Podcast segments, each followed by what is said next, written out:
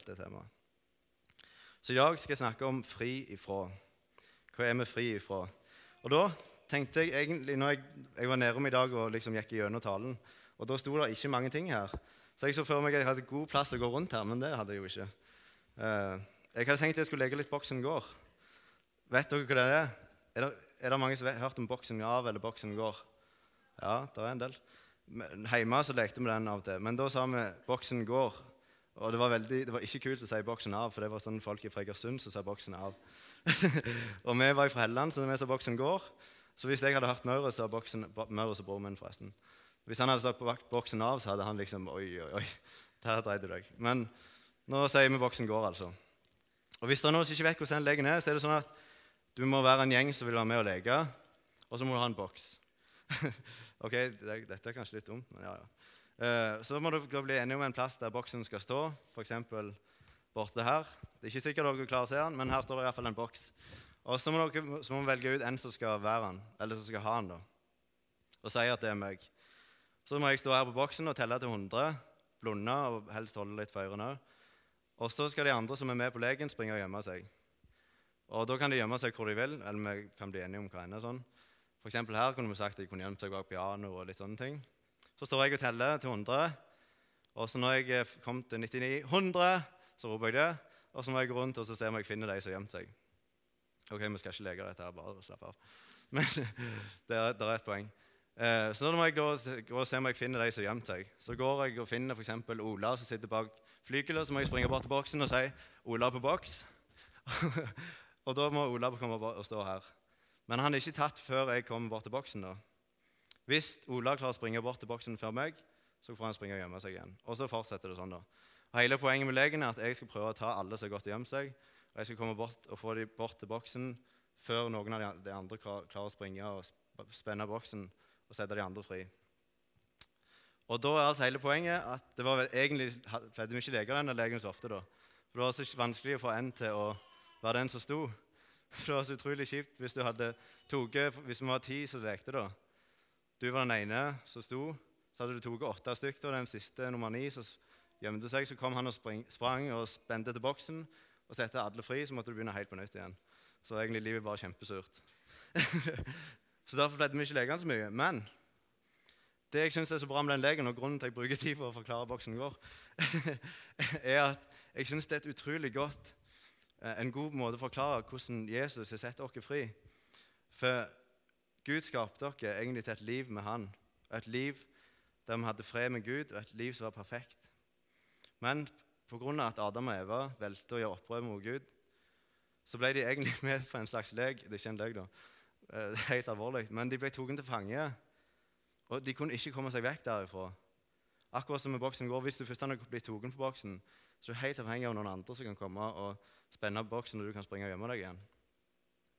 Vi var alle menneskene ble pga. Adam og Eva dømt til å stå på boksen. Og Det eneste som kunne redde dere, var at en som ikke var, hadde blitt tatt ennå til fange, kom og satte dere fri. og sånn kom Jesus. Derfor kom Jesus. Han satte dere fri. Um, skal jeg prøve å forklare litt mer hva det vil si, hva er det som fanger dere på boksen? da? Men det kommer jeg tilbake igjen til. Først har jeg lyst til å be.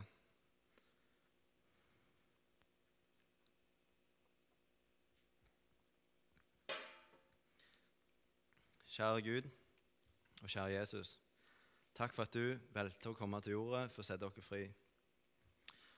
Takk for at du så at vi ikke kunne klare å komme fri sjøl, men at den eneste redningen vår være måtte være at du kom og sparka boksen for oss. Jeg ber om at du må vise dere hva det er som egentlig holder dere, hva det er som er det at vi er fanga egentlig i utgangspunktet, sånn at vi kan forstå hvor stort det er at vi, er blitt sett fri. Og At vi kan forstå hvor viktig det er at andre, som du òg har sparkeboksen for, at jeg kan forstå eh, hvor stort det er, og at de må ta imot det. At de kan se at det er bare en gave du har gitt til oss. Jeg ber om at du må hjelpe oss til å se hvor stor glede det er. Jeg ber om at du må jage vekk alt som hindrer oss i å eh, fokusere på deg og ta det med oss. Jeg ber om at du må være med hver eneste en her inne, være med meg og velsigne resten av møtet i ditt navn. Når vi skal snakke om frihet, så er det kanskje litt løye å snakke om Boxing Gore. Men, da, men da, når vi snakker om frihet, så er det liksom et kapittel i Bibelen som vi nesten ikke kan unngå å gå innom. Og Det er det som står i Johannes 8. Jeg sendte melding om det på sportelefonen i går. Vi, har en sånn sportelefon her som vi sender melding om det, ting som skjer. Og Da sendte jeg òg det at det var en idé å lese gjennom kapittelet før dere kom her. Johannes 8. Begynner, hele kapittelet begynner med at er, eh, jødene tatt ei dame i hor. Og så tenker de Yes, nå har vi tatt ei på fersken, nå kan vi gå til Jesus og høre om han òg har lyst til å steine henne. For sånn var det egentlig jødene de gjorde. Hvis noen hadde gjort ei synd som var til døden, så tok de henne, eller han, og steina dem. Så kom de til Jesus og sier, 'Jesus, hun her er drevet hor. Kanskje vi steiner? Så sier Jesus, 'Den av dere som ikke synder, kan hive den første steinen.' Jesus sender det rett tilbake igjen til dem. Ingen av dere er syndfrie, sier han egentlig. Og Så fortsetter de begynner å diskutere hvorvidt det han sier om seg sjøl, kan være sant. Han sier at det eneste muligheten for deg for å få et evig liv er å tro på Jesus. Og så sier de det kan ikke være sant det du sier, for du er den eneste som sier det. Og det krever to vitner for at det skal være sant, og så holder de gående. Jesus sier ja, men jeg er Gud, så da er vi jo egentlig tre. Eh, og så fram og tilbake. Jødene tror han ikke sånn. Så kommer det i versene som står her, i, fra vers 30, kapittel 8 av Johannes evangelium, eh, 31-36. Jesus sa da til de jøder som var kommet til tro på ham.: Dersom dere blir i mitt ord, da er dere i sannhet mine disipler, og dere skal kjenne sannheten, og sannheten skal frigjøre dere. De svarte ham, Vi er Abrahams ett og har aldri vært treller under noen. Hvordan kan du da si, Dere skal bli fri? Jesus svarte dem, Sannelig, sannelig, sier jeg dere, hver den som gjør synd, er syndens trell. Men trellen blir ikke i huset til evig tid. Sønnen blir der til evig tid. For da Sønnen frigjort dere, da blir dere virkelig, virkelig fri. Se for dere Jesus kom til jorda som den redningsmannen. Han valgte å bli menneske. Han kom springende og sparka boksen. og liksom, yes, den redningsmannen. Og så kommer han og sier ok, jeg har ikke sett dere fri. Jeg har sett dere virkelig fri. Og så er det første han hører av de som egentlig står på boksen, bare eh, Men vi er jo ikke fanga av noe, vi. Så bare står de der og springer og gjemmer seg igjen. Sånn er det jødene møter han. De forstår ikke at de egentlig er fanga. De forstår ikke at de er med på leken egentlig som de er med på. Eh, du ler, du. Eh, men vi trenger å forstå det. Vi trenger å forstå hva det er som vi eh, har blitt fanga av. Eh, vi snakker om mange slags forskjellige friheter. Det var jeg litt inne på. Og vi snakker om mange ting som kan binde oss. Vi kan snakke om at jobben binder oss, ekteskap for de som er det, for gift. Og vi kan snakke om de som går på skole med fri for jobb, nei, for skole, for fengsel, eh, fri for fengsel. Mange sånne ting. Jødene tenkte, Det første de sa, var at hæ, ja, men vi trenger ikke bli fri. Vi er jo ikke slaver, vi. For de tenkte automatisk at det å være slave og fri, det var liksom det som hang sammen. Så kommer Jesus. Ja, men jeg, dere, jeg slipper dere virkelig fri. Og så klarer ikke de å forstå det. Men vi må prøve å forstå det. Og Hva er det egentlig vi blir sett fri ifra, da? Jeg tror at det som vi først og fremst blir sett fri ifra, er et liv uten Gud. Eh, og det egentlig så jeg ikke sett Og jeg vet jo litt jeg jo visst hva det går i, men jeg har ikke brukt så mye tid på det før og sett meg inn i hva er egentlig et liv uten Gud. Men det har jeg brukt litt tid på nå for å forstå dette. her da. Og da har jeg gått til ei bok i Bibelen som jeg ikke leser så mye, men jeg syns det står mye interessant. da. Den heter 'Predikantens bok', eller 'Forkynneren'. Det er Salomo som har skrevet den boka. Der står det mye forskjellig. Blant annet så står det noen kjente ord om eh, alt til sin tid. Eller en tid til å gjøre det, en tid til å gjøre det. Det blir lest eh, i mange sånn, viktige sammenhenger. skal jeg si. Bryllup tror jeg det blir lest i. Eh, men der beskriver han egentlig, i den boka så beskriver Salomo egentlig hvor tomt alt er uten Gud. Hvis du ikke er Gud med, så er alt bare stor tomhet. Hvis dere leser den boka, så er det egentlig ganske nedbrytende. Hvis du begynner i forbindelsen, så står det liksom at alt som skjer under sola, det er bare tomhet. Du strever, du står opp om morgenen, du, du jobber og styrer på. og uansett hvor mye du strever og hvor mye du finner på, så går du like tomhendt vekk fra denne jorda når du dør. Og så sier han at han har gått inn i all slags, han har seg inn i all slags visdom og prøvd å finne ut, tenkt veldig mye og finne ut all, all slags ting. Så finner han ut at selv uansett om jeg finner ut veldig mye sånn teoretiske ting, så kommer det alt tilbake igjen. egentlig, At livet går sin gang. Du kommer inn i verden, du styrer på og stresser med forskjellige ting. Det skjer mange urettferdige ting i verden, og det går ut igjen fra verden.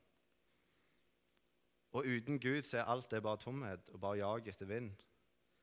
Egentlig meningsløst. For som sagt så skapte Gud verden med en mening. Han ville at alt skulle være godt. Og når vi da velter opprør, så blir vi egentlig stående fanga i et liv uten mening.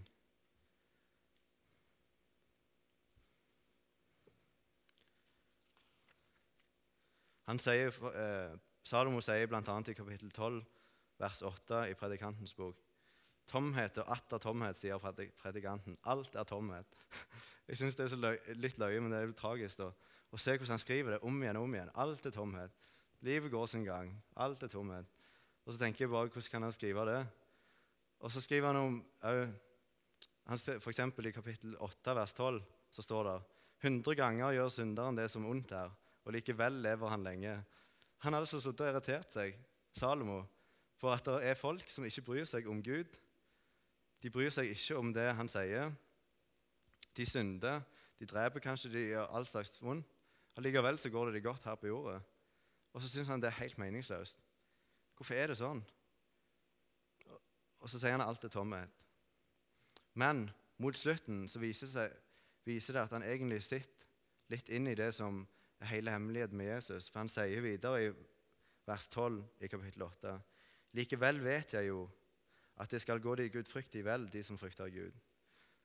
På grunn av at selv om du, om du kan leve lenge på jorda, eller du kan ha det jordisk, eller godt sånn materielt til, hvis du ikke følger Gud, så lever du allikevel et meningsløst liv. Og du får ikke ta del i det evige livet med Gud i himmelen. Og et liv med Gud, et liv der du tar imot friheten som han kommer med, det gir perfekt mening nettopp pga. det er han som har skapt deg. Det er han som har skapt alt rundt deg, og det er han som vet det beste med deg pga. han har skapt deg. Eh, det er han som ønska deg, det er han som kom på deg. Hadde det ikke vært for at Gud ville at du skulle puste nå og nå, så hadde du ikke gjort det. Gud er tanken bak alt, og da gir det perfekt mening å gi livet til Gud. Nå har jeg snakket litt om det hva et liv uten Gud er. Men hva er det egentlig som skiller oss ifra Gud? Hva er det som gjør at vi er fanga? Og hvordan er det egentlig Jesus setter dere fri fra det? Hvordan er det vi kommer fri fra et sånt liv? For det høres jo helt forferdelig ut å bare gå rundt uten mening i et liv som bare er tomhet, der ting virker urettferdig, og vi egentlig ikke kan forstå helt hvorfor vi er her. Og ja, når jeg leste dette, her, så tenkte jeg det er jo egentlig veldig tragisk. Og det er jo akkurat det det er. Det er derfor Jesus kom. Men hva er det som skiller dere? Hva er det som gjør at vi blir stående på boksen i utgangspunktet? Når vi blir født til verden, så blir vi født inn i synd, altså syndig natur med en trang til å gjøre trass mot Gud. Akkurat som ungene hvis de er en skikkelig trassalder, så liksom alt er feil. Sånn er det med, med mennesker. Vi er født med en trang og vilje til å gjøre ting som moter det Gud vil. da. Eh, så det er synd som skiller oss fra Gud.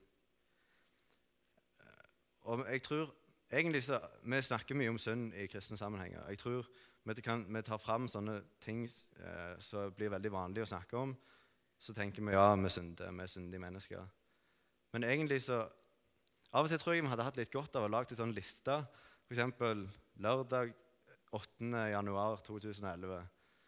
Eh, hva gjorde jeg da? Så går du gjennom ifra du sto opp, til du la deg. Skriver du ned liksom, hvor mye tid brukte jeg på eh, å se på TV, f.eks. Hva, hva så jeg på i løpet av dagen, f.eks. Så skriver du ned alt du så på, hvis du så på noe. Så, du, så kan du lage liste der, eller neste punkt. Hva sa jeg, eller hva snakket jeg, hva snakket jeg om? Skriv ned alt du snakket om. Hvem snakket jeg om, og hva sa jeg om dem, f.eks. du ned alt det. Hva gjorde jeg ikke som jeg burde ha gjort? Skriver du ned alt det. Og så videre og så videre. Så går du gjennom liksom, livet fra hvert minutt en hel dag. så tror jeg du hadde egentlig funnet ut at ja, det er faktisk det står ganske dårlig til av og til. Hvis Jesus hadde fått den tida og vært i min situasjon, hva ville han gjort, tror du? Nå er ikke poenget mitt at jeg vil trykke dere ned her, men jeg vil få fram egentlig hvor mye feil vi gjør i vårt liv. Jeg vet ikke hva dere har gjort i går og i dag, men jeg vet at alle vi er syndere, og vi har en trang til å gjøre, vi har en lyst til å gjøre det som er imot Gud, og det er det som skiller dere fra Gud. Eh, jeg har jo tenkt på det for vi garderer synd veldig mye. Vi tenker på folk som, folk som dreper noen. Hitler, f.eks. Han var jo, gjorde iallfall synd. Og så jeg tenkt på det at ja, han var en veldig stor synder. Men hvis du tilbake igjen til den synden som jeg liker veldig godt, da, skal jeg si, kjører for fort Det er jo ikke så veldig farlig, egentlig. Men og så Jeg snakket litt om dette på Viken vi hadde i høst. Men hvis du tenker over hvordan syndefallet kom inn i verden, så skjedde det med at Adam og Eva spiste en frukt. Så før dere de tok et bed av eple som de ikke hadde lov til. Og Det høres ganske lite ut i forhold til det Hitler drev på med, f.eks. Det handler om at vi velter vekk et liv med Gud, et liv i fred med Han. Et liv i opprør. Så fang dere på boksen. Og i tillegg til den synden som vi gjør, ikke bare holder dere vekke ifra Gud og liv med Han, men pga. at Gud er rettferdig og hellig, så fortjener det òg straff. Eh, og det er jo en ting som jeg, jeg, av og til tenker Hvorfor må han bry seg så voldsomt? Men han er hellig, og han tåler det ikke. Og altså fortjener det straff. Og det hadde vi ikke klart. Vi kunne ikke tatt på oss den straffen sjøl, egentlig. Eh, sånn at det hadde blitt godt nok, sånn at vi kunne kommet inn i et liv med Gud igjen. Vi er dømt i utgangspunktet til et liv uten Gud, og til et liv der vi går i møte døden og en evig fortapelse, et helvete. Og Det er grusomt å tenke på. Tenk deg et liv først i tomhet, et liv uten Gud, og så et evig liv i helvete uten Gud. Og det, det er grusomt, men jeg tror vi trenger å tenke på det nettopp for å forstå hvor utrolig stort det er at Jesus kom og satte oss fri. I Jesaja 53, vers 5 så står det han ble såret for våre overtredelser, knust for våre misgjerninger. Straffen lå på ham for at vi skulle ha fred, og ved hans år har vi fått legedom. Når Adam og Eva falt i synd, så setter de seg med en gang på boksen, fanga. Og vi fortsetter å synde. Syndet kom inn i verden. Vi ble fødte med evnen og lysten til å synde hele veien. Det gjorde at vi ikke fikk fred med Gud. Vi levde et, altså et liv uten Gud, egentlig. Så og pga. at vi synder, så, så, trenger vi tilgivelse for det. Og vi trenger at noen tar på seg straffen for oss. Og Så står det i dette verset at Jesus kom. Han tok på seg syndet, han tok på seg straffen, og han gjorde så vi fikk fred med Gud.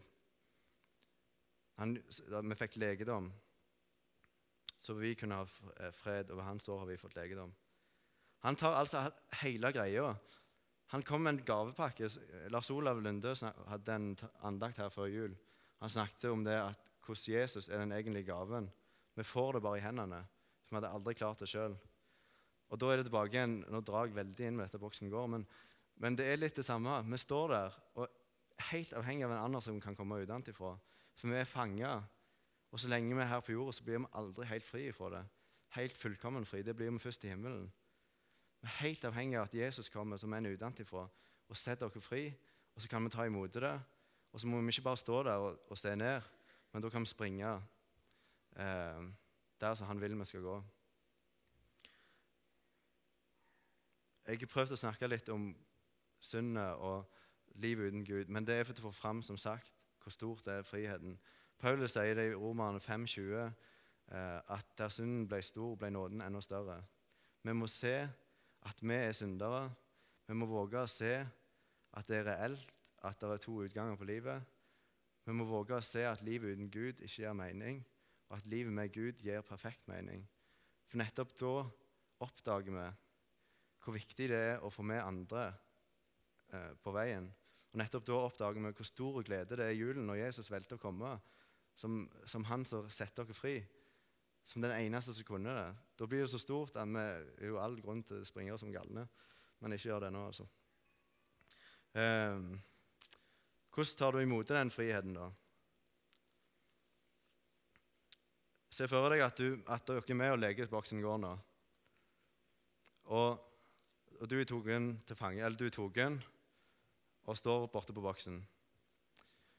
Se for deg hvor dumt det hadde vært hvis ja, den siste mannen kommer springende og setter deg fri. eller sånn, Boksen går, sparker til, og så blir du bare stående. Og så tenker han eh, Hva du feiler? Spring hjem til deg. Det hadde vært ganske dumt. Sånn er det hvis vi ikke, hvis vi ikke tar imot den friheten Gud har gitt oss. Han har kjøpt alle fri, enten, enten, de tror på det eller ikke. Så er de egentlig kjøpt fri. Det eneste de trenger å gjøre, er å ta imot det. For Vi tenker alltid du må veldig mye til, du må leve sånn og sånn, og du må gjøre det og det. Men egentlig alt det som skjer, er at han kommer og sparker boksen, og det eneste du gjør, du tar imot det og tror det, og så springer du og gjemmer deg. Så enkelt er det. Eh, og det er så stort at det er vanskelig å få egentlig forklart. Siden han har skapt deg og alt som er rundt deg, han er sterkere enn absolutt alt.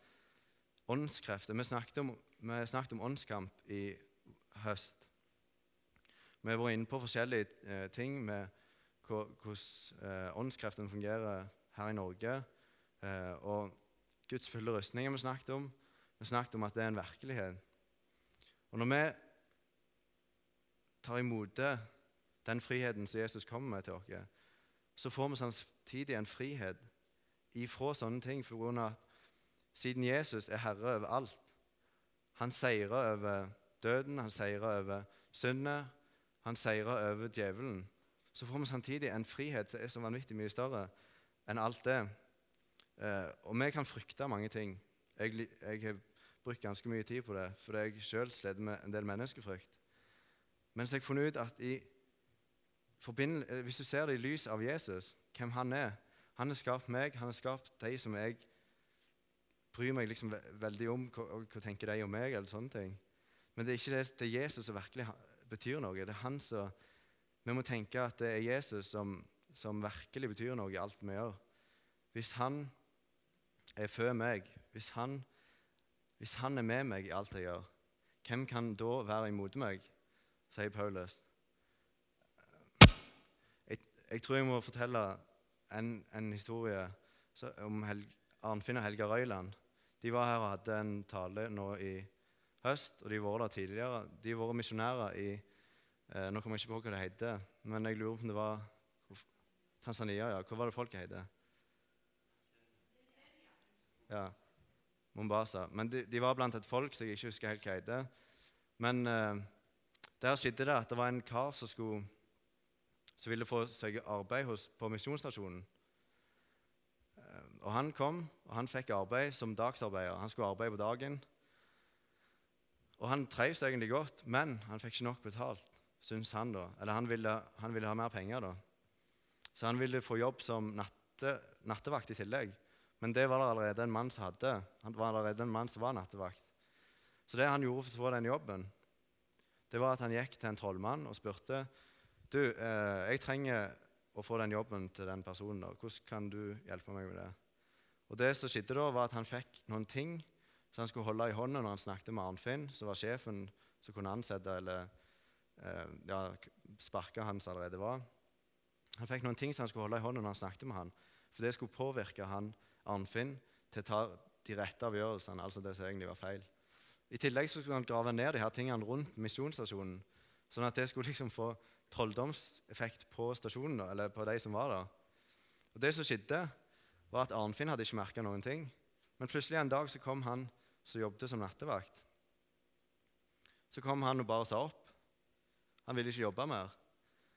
Så forsto de ikke helt hvorfor han gjorde det. For det var liksom, han, han hadde jobbet der lenge, og han, de trøys med han var god mann. og eh, Han trengte den jobben. Så var det noen andre som hadde møtt han da, og spurt hvorfor han hadde slutta. Nei, han visste egentlig ikke helt. Han, og så bare Ja, men du hadde jo greit betalt. Jo, ja, han hadde jo det, men jeg bare slutta. Han forsto egentlig ikke helt hvorfor han slutta. Og så viste det seg da at det var den trolldommen som hadde virka på han mannen, da På grunn av det fungerte, den trolldommen. Han mannen slutta uten at han egentlig ville eller trengte det. Men Arnfinn hadde ikke merka noen ting. Han hadde gått, det hadde gått helt upåvirka hen på han. Og Det som jeg hadde sett, var at det var noen ungdommer fra Norge som hadde vært besøkt den misjonsstasjonen der. Noen av dem var kristne, noen av dem var ikke kristne. De som ikke var kristne, hadde blitt ganske syke og dårlige. Dette var før de visste om det her trolldomsgreiene, de hadde ikke visst helt hvorfor det var sånn. Men de som var kristne, var friske, og de som ikke var kristne, var syke. Og Det viste seg altså da at trolldommen hadde det fungerte på de som ikke hadde tatt imot Jesus og den friheten han har ifra sånne ting.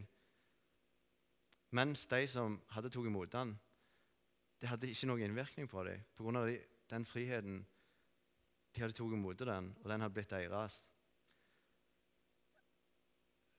Det går an, eh, Arnfinn jeg snakket litt med dem om dette. her. Og Han sa at det hadde skjedd flere ganger at de hadde sett det så, de sett det så tydelig at det var, virkelig var sånn. Og det er virkelig. Jesus har kjøpt dere fri fra mange sånne ting så, så egentlig vi kan la tro at binder oss.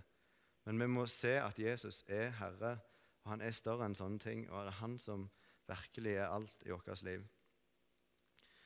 Paulus skriver veldig mye om hva det vil si at Jesus setter dere fri, eh, og hva livet med han gir oss, og hvor viktig han er for oss, egentlig. Jeg har lyst til å lese før jeg slutter, fra Romerne 8, fra vers 31 til 39. Hva skal vi da si til dette? Er Gud for oss, hvem er da imot oss? Han som ikke sparte sin egen sønn, men ga ham for oss alle. Hvordan skulle han kunne annet enn å gi oss alle ting med ham? Hvem vil anklage Guds utvalgte? Gud er den som rettferdiggjør. Hvem er dem som fordømmer? Kristus er den som er død, ja, mer enn det, som også er oppstått, som også er ved Guds høyre hånd, og som også går i forbønn for oss. Hvem kan skille oss fra Kristi kjærlighet? Trengsel eller angst eller forfølgelse eller sult eller nakenhet eller fare eller sverd? Som skrevet står, for din skyld drepes vi hele dagen. Vi blir regnet som slaktefår. Men i alt dette vinner vi mer enn seier ved Ham som elsket oss. For jeg er viss på at verken død eller liv, verken engler eller krefter, verken det som nå er eller det som komme skal, eller noen makt, verken høyde eller dybde eller noen annen skapning, skal kunne skille oss fra Guds kjærlighet i Kristus Jesus, vår Herre. Når vi tok imot Jesus, den friheten Jesus har gitt dere med at han døde på korset og vant over alt det vonde Når vi tok imot det, så er det ingenting som kan skille dere fra han og den kjærligheten han har til dere. Livet gir perfekt mening, og vi har alt vi trenger. Men frihet fra alle sånne småting som vi kan henge, henge oss opp i. Hvorvidt vi sliter på jobben eller er trøtte og leie og vil hjem, eller vi er i et forhold som egentlig tenker åh, hvordan kan jeg komme fri for dette? Eller Det er så mange ting som vi kan knytte oss opp til, og som hindrer oss. Men vi, vi har, det er ingenting som kan skille oss fra Jesus, uansett hva som skjer da, hvis vi tok imot han. Og det er utrolig godt å kunne ta med seg. Neste gang skal jeg snakke enda mer om hva det vil si at vi er fri. Altså, hva, hva vil det livet med Jesus si da, i praksis? Enda mer skal jeg snakke om det. Jeg hadde egentlig lyst til å snakke bare om det i dag, men jeg fant ut vi må ta den der beden vi er sett fri ifra òg, for det er litt grunnleggende.